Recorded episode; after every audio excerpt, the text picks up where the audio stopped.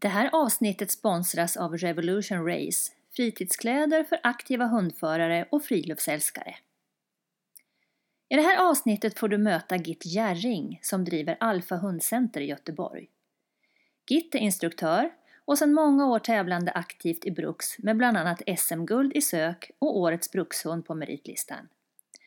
Git tävlar Grönendal och säger med övertygelse att Grönis är the one and only för henne. Hej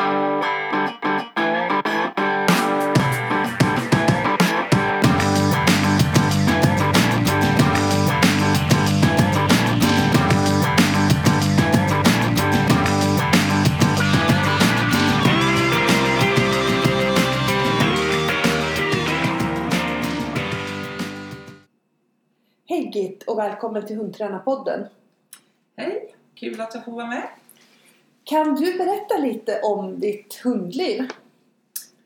Ja, jag, när jag var barn så hade vi hundar hemma, ett par stycken. Och 1984 så köpte jag min första Grönendal. Och började inom Brukshundsklubbens verksamhet. Och det var också henne jag började tävla med. Hon var tyvärr både skottberörd och otillgänglig så min sökträning blev egentligen enbart träning. Men jag tävlade henne i lydnad. Ehm, dåvarande klass 3 hade vi första pris i. Och sen eh, efter det så var jag fast. Skaffade mig en ny hund. Eh, Grönendal också. Bara Grönendal för min del. Som hette Alfa. Det var hon som jag vann eh, SM med och tävla, kvala till fyra och tävla på tre då. Hon skadade sig tyvärr inför det sista. Sen fick jag en grönis till som hette Hoppsan. En het sak som gärna skrek sig genom lydnaden som jag var med på ett SM. Eh, med en sjunde placering. Och eh, efter eh, Hoppsan så fick jag, eller köpte jag mig en ny hund som var Xanta. Och eh, det är den svåraste hunden jag någonsin har haft. Det var många som... Han som gjorde MH på tyckte synd om mig och den hunden tar du aldrig ur appellklass, sa han. Vilket triggade mig väldigt mycket. Så jag började träna mm. extremt mycket och kämpa och tänkte jag ska, jag ska. När jag hade hållit på något år så var det en mycket duktig eh, hundkompis till mig som sa Gitt, lägg ner den jävla hunden och skaffa dig något lätt, mer lättränat. Och det triggade mig ännu mer. Vilket faktiskt resulterade i att jag hade med henne på två SM med en sjunde placering som bäst. Hunden som aldrig skulle ta sig ur appellklass. Det är jag nog mest stolt över av allt jag har gjort. Ja, var, varför, eh, varför var hon svår då? På vilket sätt? Hon var väldigt enveten och hon hade inte någon arbetsmoral kan man säga. Och hon gick inte heller lätt att vända utan om hon inte ville någonting så gick det inte att få igång henne igen. Om hon säger kom igen nu och leka med en boll eller försöka då sa hon till mig den bollen kan du stoppa upp någonstans. Jag tänker inte ställa upp och göra någonting mer nu. Och eh, ja, det var jättesvårt att få henne riktigt eh, motiverad. Och jag var ibland inne på att jag kanske skulle sluta och kämpa. Men hon hade en extrem jakt och tänkte att har hon så mycket krut på att flänga efter rådjur i skogen så måste jag kunna få det krutet att komma ut i träningssammanhang och i tävlingssammanhang. Eh, så jag slet med henne. Hon tillhörde den kategorin som tyckte det var roligast. Mycket skummel, inget jag rekommenderar. Men var jag lite irriterad så gick hon mycket bra och tyckte att det var roligt. Den bästa leken hon visste, det var att hon fick något i munnen och så sprang jag efter henne och sa Åh, nu är jag arg på dig! Nu ska jag komma och ta dig! Då blev hon själaglad. Det var den roligaste leken. Hon var lite udda hund kan man säga. Ja, ja. Så var väldigt, väldigt svårmotiverad. Men å andra sidan så gjorde det att jag måste göra henne extremt genomarbetad.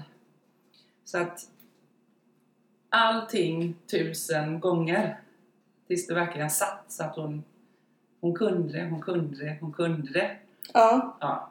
Och då eh, gjorde hon det och ofta och ibland bara nej och då gick det inte. Um, det var svårt för hon gick inte att läsa. Jag kunde vara på väg in i sök in till söket och hon kunde vara jättepå och pigg och glad och jag tänkte yes, idag går det bra. Och sen gick hon inte. Nej, okej. Och sen kunde hon ibland vara väldigt svår att, eller när vi gick in så kunde hon verka sur och inte vilja hänga med mig och lite småtjurig och då tänkte jag åh, det här går aldrig. Och så gick hon som en gud och satte söket på en tia. Och det var ganska svårt mentalt eftersom jag aldrig visste Ja, just var det. jag hade henne. Eh, Så det var svårt att jobba med för min egen mentala status. Men jag lyckades med något väldigt bra tyckte jag. För att när jag var på eh, ett utav mina SM och jag skulle gå till uppletandet och dagarna innan hade jag gjort ett som var så fantastiskt fint så de som stod runt omkring sa Gud vilket uppletande du har. Och jag skulle skicka ut henne på första skicket med all publik på SM. Så travade hon ut några steg, stannade och tittade på mig och så lite sådär hmm, nu eh, kommer jag inte göra som du vill. Och ja, jag fick inte igång henne. Och eh, så sa de en minut kvar. Och då hade vi tittat ett enda föremål, till och med kissat i rutan. Då kom hon in till mig och så sa jag, hukade mig ner över och sa "Nu får du skärpa dig för det här är inte en promenad i parken. Och så skickade jag ut henne. Och då tog hon två föremål på den sista minuten i full fart. aha, Mm. okej. Men när det var klart så sa domarna så här att den sista minuten var fantastiskt fin. Men vi måste nolla dig för hon gjorde ju faktiskt ingenting de fyra första. Och jag sa, det förstår jag. Och så gick jag därifrån och så skrattade jag. Och så sa jag till henne, vet du om vad du har gjort nu Xantan? Nu har du skämt ut mig för hela SM-Sverige. Var det nödvändigt? Ja, det, det är ju så som de säger att vissa hundar de får man för att behålla sin ödmjukhet. ja, precis. Så det var, nej hon var inte att leka med. Men hon kom mitt hjärta så nära så det är nog den hunden jag älskat mest av alla. Fast hon var så svår. Ja, Ehm, och ja, det var också en liten sån här bekännelse. På en tävling en gång så blev jag så arg för att hon inte ville gå på ett uppletande och vi var så nära SM-poäng året därpå. Så jag röt lite och sådär. Och då sa domarna till mig att tyvärr så eh, diskar vi dig här och nu. Och jag sa att ja, det får ni göra vad ni vill. Och så gick jag därifrån och så tänkte jag nej, jag förstår dem, jag förstod dem. Jag sa det till dem efteråt också och då började jag fundera, är det värt det här att vi får bråka så här mycket? Och att det inte bara blir kul?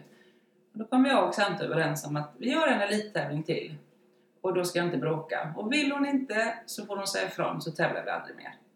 Då gick jag ner på appellplanen och skulle göra lydnaden. Hon har alltid gått med mig fint i fria följet. Så jag fot och starta och hon satt kvar. Och då vände jag mig om och sa Okej, du har bestämt dig, men kan vi inte göra var dagens tävling i alla fall? Och så gjorde vi den. ja. och sen så tävlade vi inte mer. Ah, okej. Ja. Okej. Sen blev hon en glad pensionär och så gjorde vi massor med roliga saker ihop. Och jag fortsatte ju träna så gör jag med alla mina hundar. De får fortsätta att göra saker även om de är pensionerade. Så länge det går. Ja. Ja. Och vad har du för hundar idag då? Idag så har jag Lyra som har hunnit bli 13. Oj, är hon så gammal? Ja, hon blir Shit. 13 i april. Det ser man faktiskt inte. Nej, Nej. det gör man inte. Hon är pigg och glad fortfarande. Eh, Hon har varit mycket osäker på appellplan så hon är brukskampion och det var bra att hon aldrig, att det inte blev någon SM-poäng för hon hade tyckt att den miljön var jobbig. Ja. Eh, Och efter det så letade jag ny hund och då blev det att jag tog en helt egen kull för det kan vara svårt att hitta bra arbetshundar på Grönendal många gånger. Eh, Så jag tog en egen kull och där behöll jag Trotsa. Och eh, hon är kvar och henne håller jag på med. Det har hänt mycket t- tråkigheter sen Xanta gick bort och jag har haft andra saker runt omkring i livet som inte alltid blir som man har tänkt. Så eh, nu har jag inte tävlat det sista men vi var med på SM 2006, nej 17 va? Vad är det nu? Vi är 18. 18 var förra året, så 17. 2016. 16. Mm, jag var Mm. inte med 2016. Eh, så hade jag även med henne på SM. Tyvärr blindade vi ut oss i söket, men men, vi var där. Ja. ja, så eh, ja, henne har jag. jag hade, fick tillbaka en hand i den kullen också som var fantastisk. Men honom har jag tyvärr mist i eh, att hans hjärta stannade. Det var en fruktansvärd upplevelse. Men vi hann certpoäng i elitsök och eh, uppflyttad till elitspår med honom. Så att, eh, ja. Ja, du har ju fastnat väldigt mycket för Grönendal. Varför då? Mm.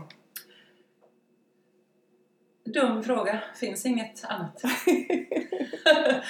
Grönendal är de finaste hundarna och sen det finns Grönendal och sen finns det hundar. Ah, Okej, Mm. okej. Så det är liksom en icke-fråga på något sätt. Ja, För min Ja, kommer att vara Grönendal så länge jag orkar hålla på med en hundras som är så krävande som en eh, brukshund är. ja. Mm. men alltså du har ju tidvis haft fyra brukshundar. Ja. Hur, hur har det funkat i vardagen? Att ha liksom fyra ändå ganska krävande hundar.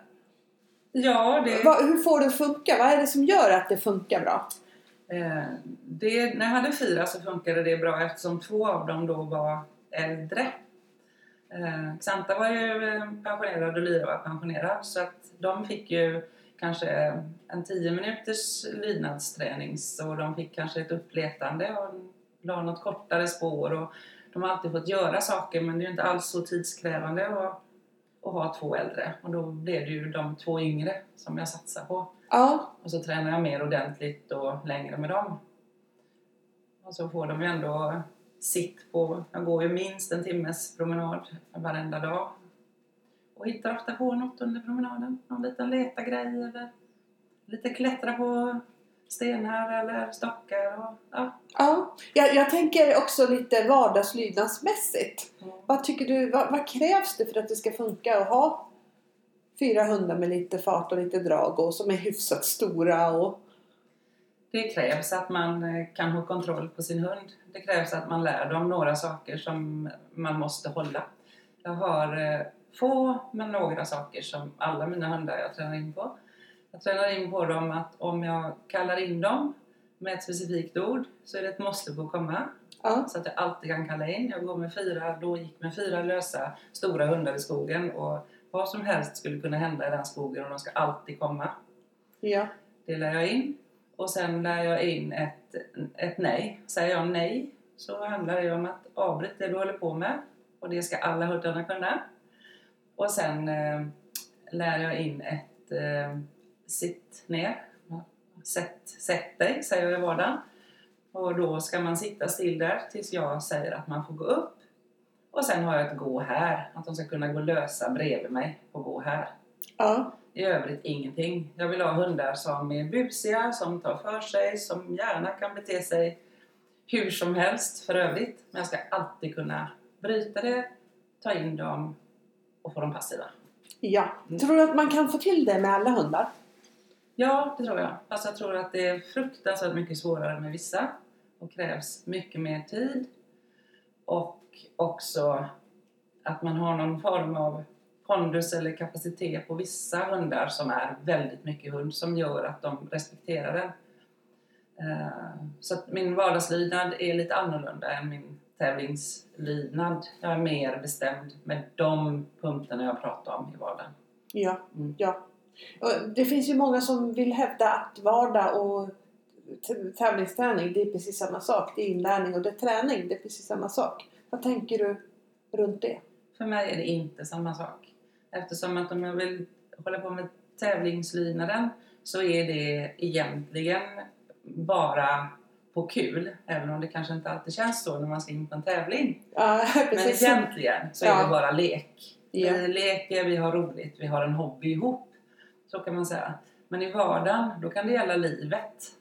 Om min hund inte kommer på en inkallning och det är trafik eller det kommer någonting. Det kan ju bli att de blir påkörda eller det kan hända saker så att hunden inte överlever. Eller de springer efter någonting ut mot en svag is. Eller hundrädda människor som man möter ska inte behöva en hund som kommer rusande mot sig och så.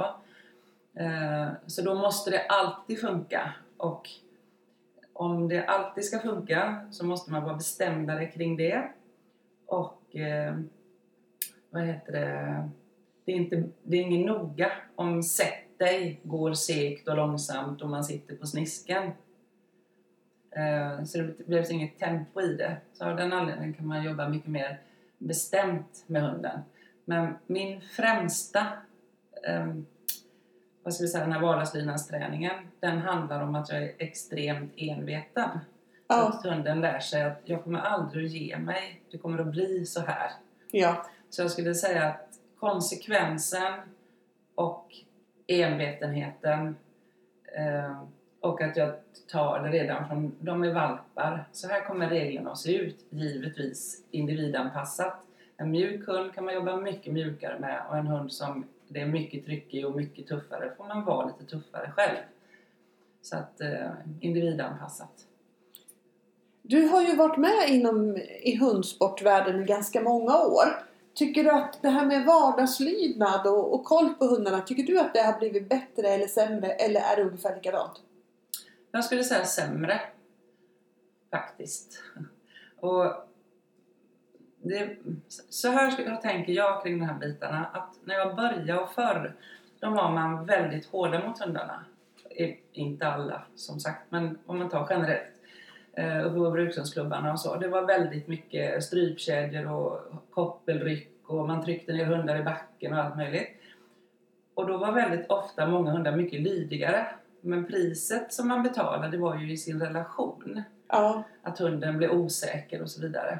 Och så med det mesta här i världen, när någonting, man kommer fram till att någonting fungerar dåligt eh, så vill man vrida på det och så drar man ofta iväg det till sin spets åt andra hållet.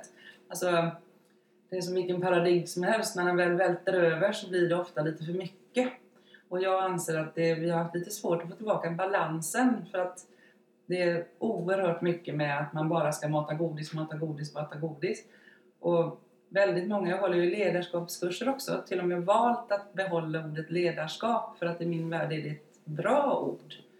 Ehm, det är att visa vägen i princip och att vara den som tar ansvar i situationer. Ehm, och många som kommer till mig, de har hundar som har gått helt ur hand på dem. De har för mycket hund i sina händer. Och hundarna gör utfall och hundarna gör det ena och det andra och tredje. Och de försöker med sin godis och ingenting blir. Och de har lärt sig att man aldrig får säga nej. Och ja, det blir inte bra. Och vad som händer med den, många av de hundarna det är att de blir väldigt, väldigt höga i stress. Och de tror att de har ansvaret för allting som händer ute i livet.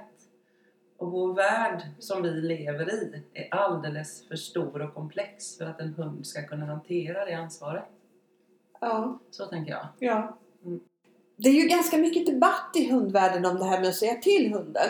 Och, och det, det finns ju många som hävdar att ja, men om du säger till hunden, då är inte du en tillräckligt bra hundtränare. För att du ska kunna lära din hund vad den kan göra utan att säga till den. Vad tänker du om det? Om det tänker jag väl ungefär så här att eh,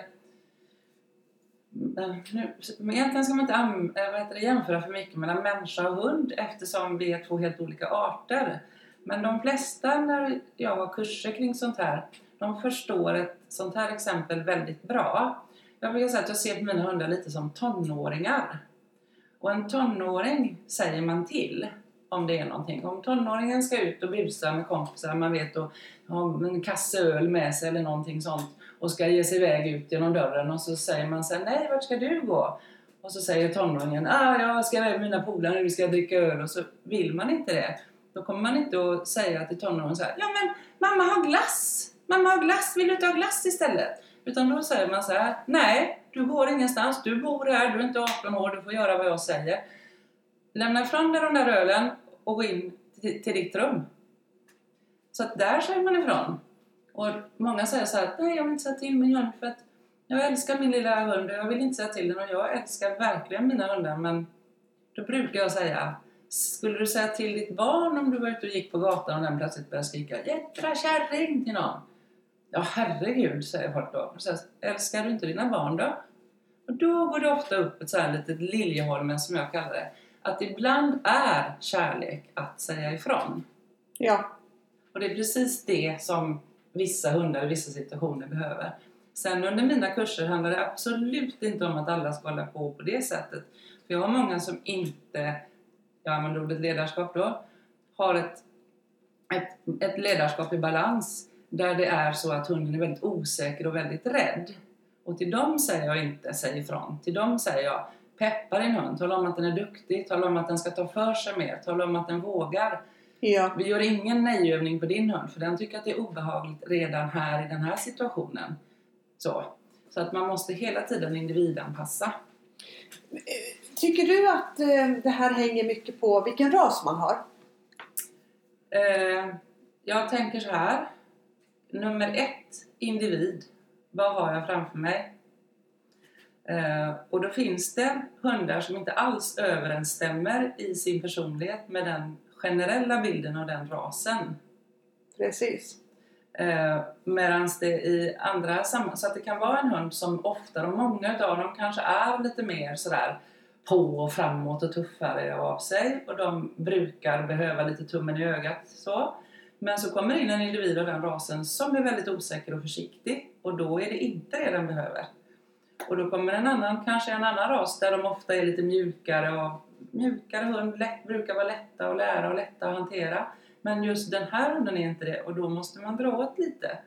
Så att individ före ras, men man ska ju aldrig glömma varje hundras grund. Vad är den avlade grunden för? För det säger ofta mycket om hur mycket problem eller hur mycket du kommer att behöva jobba med den hunden Ja för att få den lydig. Så att eh, utan att nämna raser kanske så finns det ju ändå eh, ja, om man, jag, jag, skämtsamt brukar jag säga så här alltså att nästan alla hundar kan man få ha lite olika svårigheter för, varje, för vilken ras det är. Och eh, jag brukar säga att välj hundras efter vilka problem du tycker att du trivs bäst med att lösa. Ja. Ja. ja, det är nog en ganska vettig grej faktiskt. Ja, Helt klart. Så att, eh, och då brukar jag skämtsamt ibland någon säger ja men nu har du köpt en terrier så du får nog förvänta dig att din hund är ganska ihärdig och har mycket egna åsikter och så. För det har oftast terrier. Ja, ja. Ja. precis. Eller nu har jag köpt en eh, sheltie här och, och, och jag tycker att den är kanske skulle kunna ta för sig mer eller så. Ja men nu har du köpt en hundras som oftast är ganska mjuk och ganska lätthanterad. Men din sheltie är inte det. Så att Ja. hela tiden eh, ut efter. Så att ja, individ först, vilken ras det är sen. Eh, så skulle jag säga. Ja, jag upplever att just eh, sådana här kanske när man har lite problemhundar att det är väldigt svårt att, eh, att hitta några som jobbar med problemhundar och har kurser för problemhundar och sådär. Jag tycker det har minskat väldigt, väldigt mycket. I alla fall i våra trakter, för det är ganska många som man har hört talas om som, som, som har problem och sådär. Och, och eh, ja, det finns inte jättemånga som jobbar med det här. Nej, det gör det nog. Eh, eller jag tror att igen, det finns nog ganska många som, som jobbar med det, men jag vet inte riktigt. Eh, det kan vara svårt att, att säga. Det kan, du, du kan få jättebra resultat även om du liksom egentligen aldrig säger form, bara berömmer och väljer positivt och så. Men det är på ett, en viss typ av hundar så funkar det alldeles utmärkt. Men de som har lite mer i sig eller som är lite mer bestämda i sina egna åsikter eller så, där är det svårt att, att, att lösa det. Och jag tror också att idag när det har varit nästan lite skambelagt att man säger till sin hund, eller inte nästan, det har varit det. Folk som har kommit till mig och jag har sagt så här, men nu får du nog säga till din hund. Nej, sluta med det där. Ja, men får man säga nej? Och det är klart du får säga nej när din hund beter sig väldigt illa. Ja. Eh, och eftersom det har blivit tabubelagt så är det nog inte så väldigt många som heller antingen vill eller vågar jobba med den delen. Men eh, jag har hållit på alldeles för länge och är alldeles för kunnig och känner mig trygg i mina kunskaper så att jag har inga problem. Nej, nej, Nej. jag förstår. Eh, sen finns det en och annan som jag också känner till som jag tycker är för hård när de tränar med hundarna. För du, vi ska ju absolut inte dit. Nej, nej. Vi vill inte ha det som det var förr. Nej, Absolut inte. Det inte. håller jag med om. Nej. Ehm, så att balans, hitta en balans och se individ. Det är väl min... Ja. Ja. Eh, tror du, hur viktig tror du vardagslydnaden är för tävlingslydnaden? Det beror på lite grann. Är man väldigt duktig på att motivera sin hund glatt och får hunden att tycka att lydnad är ett av det roligaste den vet att göra.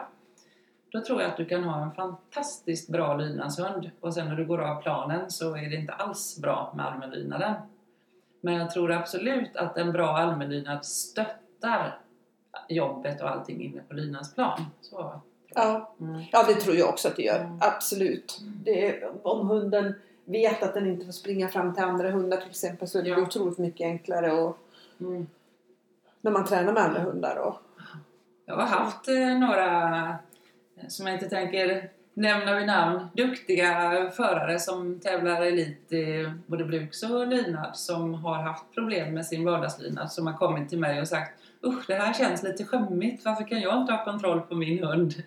Och så här, det finns väl inget skämmigt med det. Kom igen nu, bara så löser vi det. Och då går det oftast väldigt snabbt och lätt. För det är ju duktigt folk som har mycket hundkunskap. ja, Mm.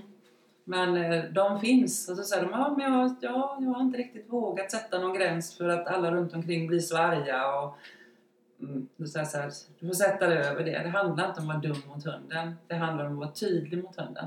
ja. Mm. Precis. Ja. Och det som jag ska tillägga här då, som jag har fått höra vid flera tillfällen i, eh, om någon sitter och lyssnar på det här och tänker, åh vad hemskt, eh, vad hemskt det låter, säger de verkligen till sina hundar och, och sådär. Så skulle jag vilja tillägga att det har varit flera tillfällen som folk som har gått kurs för mig som säger, som jag har fått höra som jag har blivit väldigt glad över. Du är nog banne med en av de där förarna på hög nivå som man bara hör hur mycket du älskar dina hundar. För du låter alltid så glad och positiv och kärleksfull liksom. Mm, så det kan vara en bra sak att ha med sig där att det betyder inte att man är sträng i alla lägen. Nej, Nej. nej verkligen inte. Mm. Eh, vad tycker du om man ska lyckas med sin hund på tävlingsbanan då? Vilka tips skulle du ge för att man ska bli så framgångsrik som möjligt inom, eh, inom olika hundsporter? Jag har tänkt en del på, på det på senare tid och mitt tips det skulle nog vara att man skulle träna sig själv jättemycket mentalt så att man kan hålla sig ovanför den här konkurrenskänslan och känsligheten av vad andra tycker och tänker om ens träning eller ens hund eller ens eh, tävlingsframgångar och, och jämföra sig så lite som möjligt. Det tror jag är ett jättebra tips. Ja. Ehm, och man skulle kunna tänka sig det lite som, som lek och lyckas få med sig den tanken rakt igenom hela tävlingarna och så. För många gånger har, eh, får man problem med sina tävlingsmoment och det kanske är lite för lite energi i dem eller för lite glädje i hunden. Och då kan jag fråga ibland så här, eh, kan din hund något tricks? Ja, vad kan den då? Den kan rulla runt och den kan stå på bakbenen den kan inte få se. Och plötsligt, swoosh, där ser du all glädjen, allt det här energin i hunden och så. Och då brukar jag säga så här, lär in dina tävlingsmoment på samma sätt. Ja. Då är det det att man har tänkt när man tränar, åh, det här ska dö- bedömas en dag och det här kommer jag aldrig få en tia på. Och det här, man blir nervös och man börjar bli anspänd och så. Men trickset som aldrig ska bedömas, det kan sitta som en smäck. Ja. Ja, och då tänker jag att där, där tror jag är en jättebra. Sen teknik och har kommit så jättelångt idag. Eh, rent momentträningsmässigt tycker jag att väldigt, väldigt många har kommit väldigt långt. Mm, håller helt med. Eh, men den här mentala biten, och det ska jag säga att det är inte lätt för mig heller. Jag kan många gånger känna att jag känner mig lite anspänd för att jag skulle ju, alla vill väl visa upp sig från sin bästa sida. Så det kan, det är en jobbig del, men den är ändå viktig. Och jätteviktig. kanske har kommit fram ännu mer i de här tiderna med så mycket sociala medier. Absolut. När man bara ser, eller inte om, där många bara ser det braiga som alla andra gör. Ja.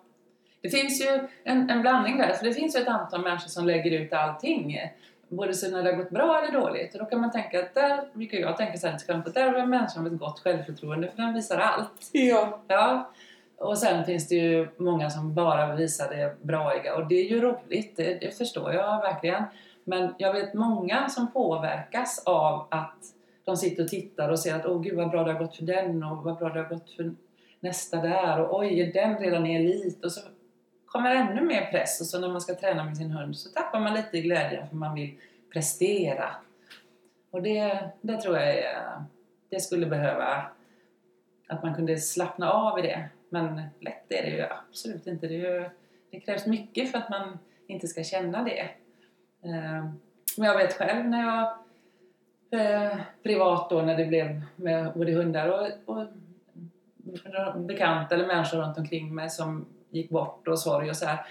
Och jag inte riktigt var i form och träna och så kunde jag sitta och se på Facebook. Åh vad bra det har gått, åh vad bra det har gått. Och då kan jag säga att jag lyftes ju inte till att bli sugen utan jag kände mig mer sådär, åh nej jag orkar inte kämpa så mycket nu och så blev jag lite mindre motiverad. Ja. Så att, eh, jag, och jag vet ju, jag har ju pratat med andra också som kanske har köpt en hund eller en kull och så kommer de till mig och säger "Ja, alla kullsyskonen är nu är de uppe i, i elitklass eller någon, någon högre klass eller sådär. Och jag har inte tävlat ettan ännu och så börjar man lägga sig en press. Ehm, och där, mm, nej, ja, men jag vet inte riktigt hur man skulle hur man skulle kunna lösa det. Ehm, den här bubblan som man kan hitta, ofta, eller många i alla fall tycker jag, kan hitta när de är inne på appellplanen. Om man kunde vara i den lite jämt. Ja, ja, ja precis. det här är min, och min hunds bubbla. Ja. Och vi får se. Vi kanske inte kommer att tävla på allra högsta nivå. Vi kanske bara eh, gör lite tävlingar för att det är roligt. Och, och man kan ha den här lite lättsamma utan att för den skull inte vara noggrann. För det behövs ju ändå. Det är ju egentligen inga motsättningar Nej, faktiskt. men Det är ju inte det. Jag kan tänka, jag hör ibland att en del man säger så här att ja, men jag är inte, så- det är inte så noga för mig att tävla så jag, det behöver inte vara så noga. Men ibland tror jag det är ett litet sådär självförsvars eller skydd. Ja, Ja, man, man säger så för att man egentligen känner att usch, då släpper lite utav det här trycket för att man säger att man inte är så noga liksom men hur har du själv tänkt då för att komma ifrån det här då? Att, eh, att känna liksom pressen från andras tankar. När jag började tävla så var jag ju så fruktansvärt nervös så att jag kände mig ju kräksfärdig redan när jag skulle anmäla. Eh, och verkligen mådde illa på tävlingsmorgonen och kunde inte äta och, och ja, det var sådär. Och då började jag jobba mycket med mentala träningen via Nina Svartberg. Ja, Ja, nej. och... Eh, eller egentligen var inte hon den första, utan den första var Uneståls, de här banden och så som jag höll på med. Men längre fram eh, så hade jag kontakt med Nina Svartberg när hon började med mental träning mycket i hundvärlden. ja, Och eh, tränade mycket kring det och då fick jag bort mycket genom det. Eh, men sen så har det kommit, ibland känner man av det lite grann igen att uff, ja, nej, men nu skulle man nog vilja och man kommer med en hund som inte har samma förutsättningar som en hund innan och därför kommer man inte kunna visa samma saker och det vet man och så tänker man att jag ska inte bry mig om det och så. Men min största, det, det som släppte mest för mig skulle jag nog säga, det var egentligen så sent som med Trotsa. För där istället för att tänka prestera så tänkte jag enbart att eh, min enda uppgift när jag går in på en tävlingsplan det är att hon ska vara glad. ja, Så får vi ha tränat, tränat innan och sen ska hon bara vara glad. För att hon ska lämna den här, hon ska gå in på den här tävlingsplanen och känna sig glad och hon ska gå ifrån och känna sig glad. Och betygen bryr vi oss inte om. Så min uppgift var, och då blev det ju, jag är väldigt, jag är egentligen väldigt mycket tävlingsmänniska i mig. Så jag vill lyckas med det jag har förutsatt mig. ja, Men om jag flyttar förutsättningen till att det jag gör där, det är inte att visa upp någonting för någon annan. Eller få någon merit. Utan det jag gör där, det är att behålla en hund glad under ett helt program. Och då är det det som jag lägger kravställningen på mig själv och det är en rolig kravställning. ja. Så den... Mm, den Mm, det är ju ett, jätte, ett jättebra tips. ja, det var lite nyckeln för mig. Det kan, kan jag säga. Ja, För hon är inte heller, hon är jättekäck och trevlig hund men hon, hon har inte det där hundraprocentiga. Många förare byter ju hundar snabbt och lätt om inte det. Och jag kan förstå det. Om man är en riktig tävlingsmänniska och vill upp på nivå och så, så jag kan förstå att det inte är så kul kanske att kämpa med en hund som inte riktigt har förutsättningarna, för det har de långt ifrån alla hundar. Absolut. Så jag, jag har full förståelse, men personligen så är jag inte sån. Jag, jag byter aldrig hund, jag lämnar aldrig fram en hund jag har. Jag jobbar med det materialet jag har och så känner jag en eh, utveckling och en glädje i att lära känna en ny individ och ta den så långt den kommer. Och det kanske aldrig någonsin blir någon SM-vinst i mitt liv igen. Men det blir en väldig massa erfarenhet och det blir mycket roligare hundträning när jag bytte fokus till att ha kul på plan. Ja, Så. jag tror också det är en jättevettig, att det är en jättebra, vettig inställning faktiskt. Vi har ju pratat lite om helhetsträning i bruksolydnad och du hade ju lite nya tankar som du håller på att provar. Kan du berätta lite om det? Eh, ja, det har varit med Trotsa, den hunden som jag har nu. Hon eh, har inte den perfekta arbetslusten. Hon är ingen arbetsnarkoman. Och eh, jag märkte med henne att det har varit svårt att få henne att jobba länge utan att hon får in några belöningar. Och då bestämde jag mig för att eh, pröva att hon överhuvudtaget inte får några belöningar innan hon har gjort klart hela momentet. Varje träningspass i söket började jag. Och det har gett gott resultat. Hon ska jobba sig igenom hela rutan, plocka alla figuranterna precis som på en tävling. Och när vi är klara så får hon en megabelöning. Ehm, Resultatet har varit bra, så jag har prövat det på uppletandet också. Jag gör precis likadant där. Hon eh, ska alltid ha hittat fyra föremål innan hon får någon belöning överhuvudtaget. Har gått jättebra. Eh, och då, ja, då har ju det lett till att jag har fått samma tankar även i lydnadsträningen. Eh, men det är precis ett ny, ny, nyss påbörjat projekt. Så jag får se vart det leder. Men eh, jag har gjort så att jag kör igenom momenten, blandar dem så att de inte alltid kommer i samma ordning. Och om något inte blir tillräckligt bra så gör jag om det tills det blir tillräckligt bra och så fortsätter vi. Och när vi är klara så kommer megabelöningen. Vad är megabelöningen då? Megabelöningen är en hel burk med leverpastej. Det finns såna här checkar man bara kan dra av locket på. Kan det vara. Och ihop med det favoritleksaker, mycket bus. Um, eller en eh, kattmatsburk eller ett helt paket med skinka. Alltså någonting sånt där. Och sen är jag Tjoho! Världens bästa hund! Yes! Kom igen! Vad duktig du är! liksom går i taket gör vi och så rusar vi av planen eller vi rusar ut ur skogen eller vi rusar bort från uppletanderutan medan jag tjoar och hojtar och så kommer belöningen. Ja. Eh, och då, då får den ta en ganska lång stund också så att hon verkligen eh, känner att wow, vilken grej jag har gjort och så. Eh, mm, så att eh, det har funkat på söket tycker jag och det har funkat på uppletandet. Men du har inte haft några problem att hon har liksom tröttnat tidigare? Än, eh, än att hon har hunnit gjort klart hela liksom?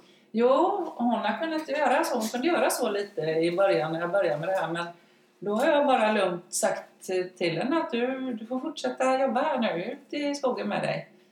Eh, och så, ja, okej okay då, så går hon ut och så kanske det verkat lite, blivit lite segt men hon har tagit sig igenom och så har megabelöningen kommit och till slut så har jag märkt i sök och uppletande att hon inte eh, att hon inte längre tänker så utan hon tänker jag ska göra klart jobbet. Ja. Så att det var ganska, det var ganska länge sedan eh, sök och uppletande som hon eh, inte jobbade på bra. Det kan falla lite i skendräktigheten men det är ju klassiskt tikar. Ja. Eh, men i övrigt så har det, det verkar som hon har förstått principen. Ungefär som jag själv förstår att om jag inte jobbar hela månaden så får jag ingen lön. ja, just det. Jag får göra det först. Har du sett någon mer som har testat det här eller har du någon mer kompis som har gjort det eller? Nej, egentligen inte. Eh, Det var nog mer jag själv som har testat det på kurshundar lite grann och nästan glömt av det. Ehm, det var faktiskt en terv för väldigt många år sedan som han som hade den hunden, eh, han var med på läger några år i rad hos mig. Och eh, den, han kunde inte komma från dykupperna för att hunden ville bara gå när han fick synrättning, annars ville han inte gå. Och när det var tredje året och det låg ungefär likadant still i träningen så sa jag nu vänder vi på steken helt, nu får hon ingenting för hon har gått och vi sätter inga figgar heller. Hon får gå 100 meter tomt, så ger vi henne en ordentlig belöning. Och eh, så gjorde vi med henne och det var ju eh, lite motstånd i början så men det var bara att liksom kom igen jobba inte att vi, inte att vi sa till henne eller något utan bara fortsätt. Jobba på.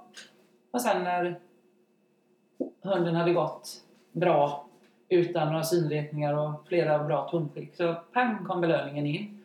Eh, helt enkelt, du måste slita mer för att du ska få någonting. Och den hunden tävlade han elitklass med till slut. Så att där vet jag att det funkar. Ja. Och en golden som tävlar lydnad som fick, eh, hade fått, ja, vanligtvis om man har en hund som är lite trög så är det peppa, peppa, mera godis, gör mer. Hon kom på kurs hos mig så jag tittade på det där och han krävde verkligen godis. Så sa nej nu kör vi ett helt fritt fälg, han får ingenting. Det kanske inte blir det snyggaste fria fälget, men han ska få göra lite länge. Så det var lite samma princip. Vi tog ut mycket av belöningsbitarna. Och hon, eh, det var ju, det här är ganska länge sedan också, eller det är länge sedan. Så att då var det ju Ninas klass 1 som var den första klassen, ja, startklass idag då. Eh, Och hon var i ettan och hade svårt att få första pris så hon tävlade i Linas klass 3 med den hunden till slut. Så att där gav det effekt. Sen har det inte varit, eh, jag har inte tänkt, jag har inte jag vet egentligen inte varför. Det har väl fungerat ganska bra mm, på de flesta andra hundar att träna och ha belöningar. Eh, Men de föll in i min tanke när jag började... Jag kommer ihåg det när jag började testa med trotsa. Ja. Så att, eh, men eh, lydnaden kan nog bli svårare tror jag i och med att det är så mycket detaljpill och sånt som man som inte får missas. Och jag tror, jag tror att man först måste, först, eller jag tror, man måste ju först ha en hund som kan alla moment för att man ska kunna göra om det tills det blir bra. För annars vet ju inte hunden vad det är som är. Nej, just Ja. det. Annars blir det aldrig bra någon gång. Nej. Nej. Eh, Men eh, som sagt, det är alldeles nytt det med lydnaden så att jag ska köra på med det ett tag och antingen så ser jag att ja men titta, det funkar bra i lydnaden med eller också inser jag att jag får lägga ner det projektet. Ja, ja, Tänka om. Men eh, det är alltid roligt att pröva nytt.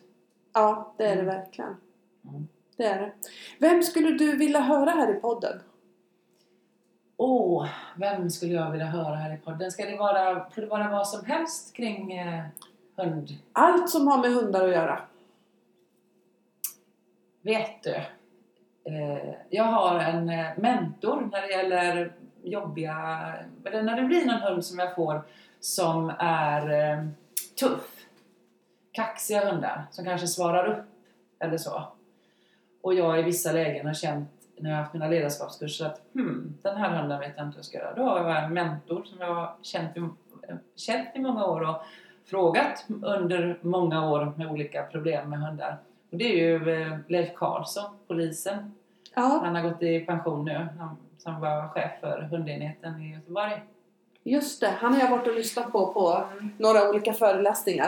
Han är Ja, ju pensionerad nu men eh, hans kunskaper, hans erfarenheter och eh, många berättelser kring som, han, som jag har hört honom berätta om, om hundar som han har jobbat med eller hundar som han har haft med att göra och, och hans otroliga ja, om nu Leif hör det här så otroliga, coola, starka psyke för Jättekort ska jag bara berätta om han, en dobermannpinscher som han berättade för många år sedan. Jag är nästan säker på att det var en dobermann. Som hade blivit illa behandlad i någon sån här, ja om det var någon knarkarkvart eller någonting i alla fall. Så att den satt instängd i en lägenhet och den behövde hämtas. Och Leif Karlsson gick in och skulle hämta den här hunden. Och den var inne i ett rum i ett hörn och den var vansinnig. som jag förstod det, nu kanske jag uppförstorade men så den bara wow, wow, wow och fradgan stänkte. Och jag kan ju säga att jag hade ju stängt dörren och gått. Jag med. Mm. Men Leif han sa i princip så här, kanske inte ordagrant men Men herregud eller, eller inte, inte så, det lät nästan finlandssvenska. Men herregud lille vän, så här kan du inte ha det vet du. Så gick han bara precis rakt fram till hunden och så kopplade han den och så stod han och gick därifrån. Och det hände ingenting. så den här utstrålningen hos honom. Och då sa jag så men det här hade ju alla år inom eh, tjänstehundsverksamheten och med alla de här hundarna de har testat som farliga hundar så har inte blivit biten. Han har blivit biten av det var eh, hans frus egen eh, pudeluppfödning. Någon liten sån här eh, eh, om det var en röd pudel eller jag kan ha blandat ihop det lite. Men det var i alla fall en, en sån liten hund hemma som hade satt sig i handen på honom en gång. Men annars inte. Annars inte. Nej. Ja det- men vad kul. Honom ska vi absolut sätta på vår lista och hoppas att han vill, vill Ja. prata med oss. Det är Ja. jätteintressant. Och jag vill tacka dig supermycket. Det är jätteintressant att höra om dina tankar och idéer om i, i olika områden i hundträning. Ja. Kul! Ja, det var roligt att få prata. Jag är pratglad och har många åsikter så jag tackar för att jag fick vara med. Tack, tack!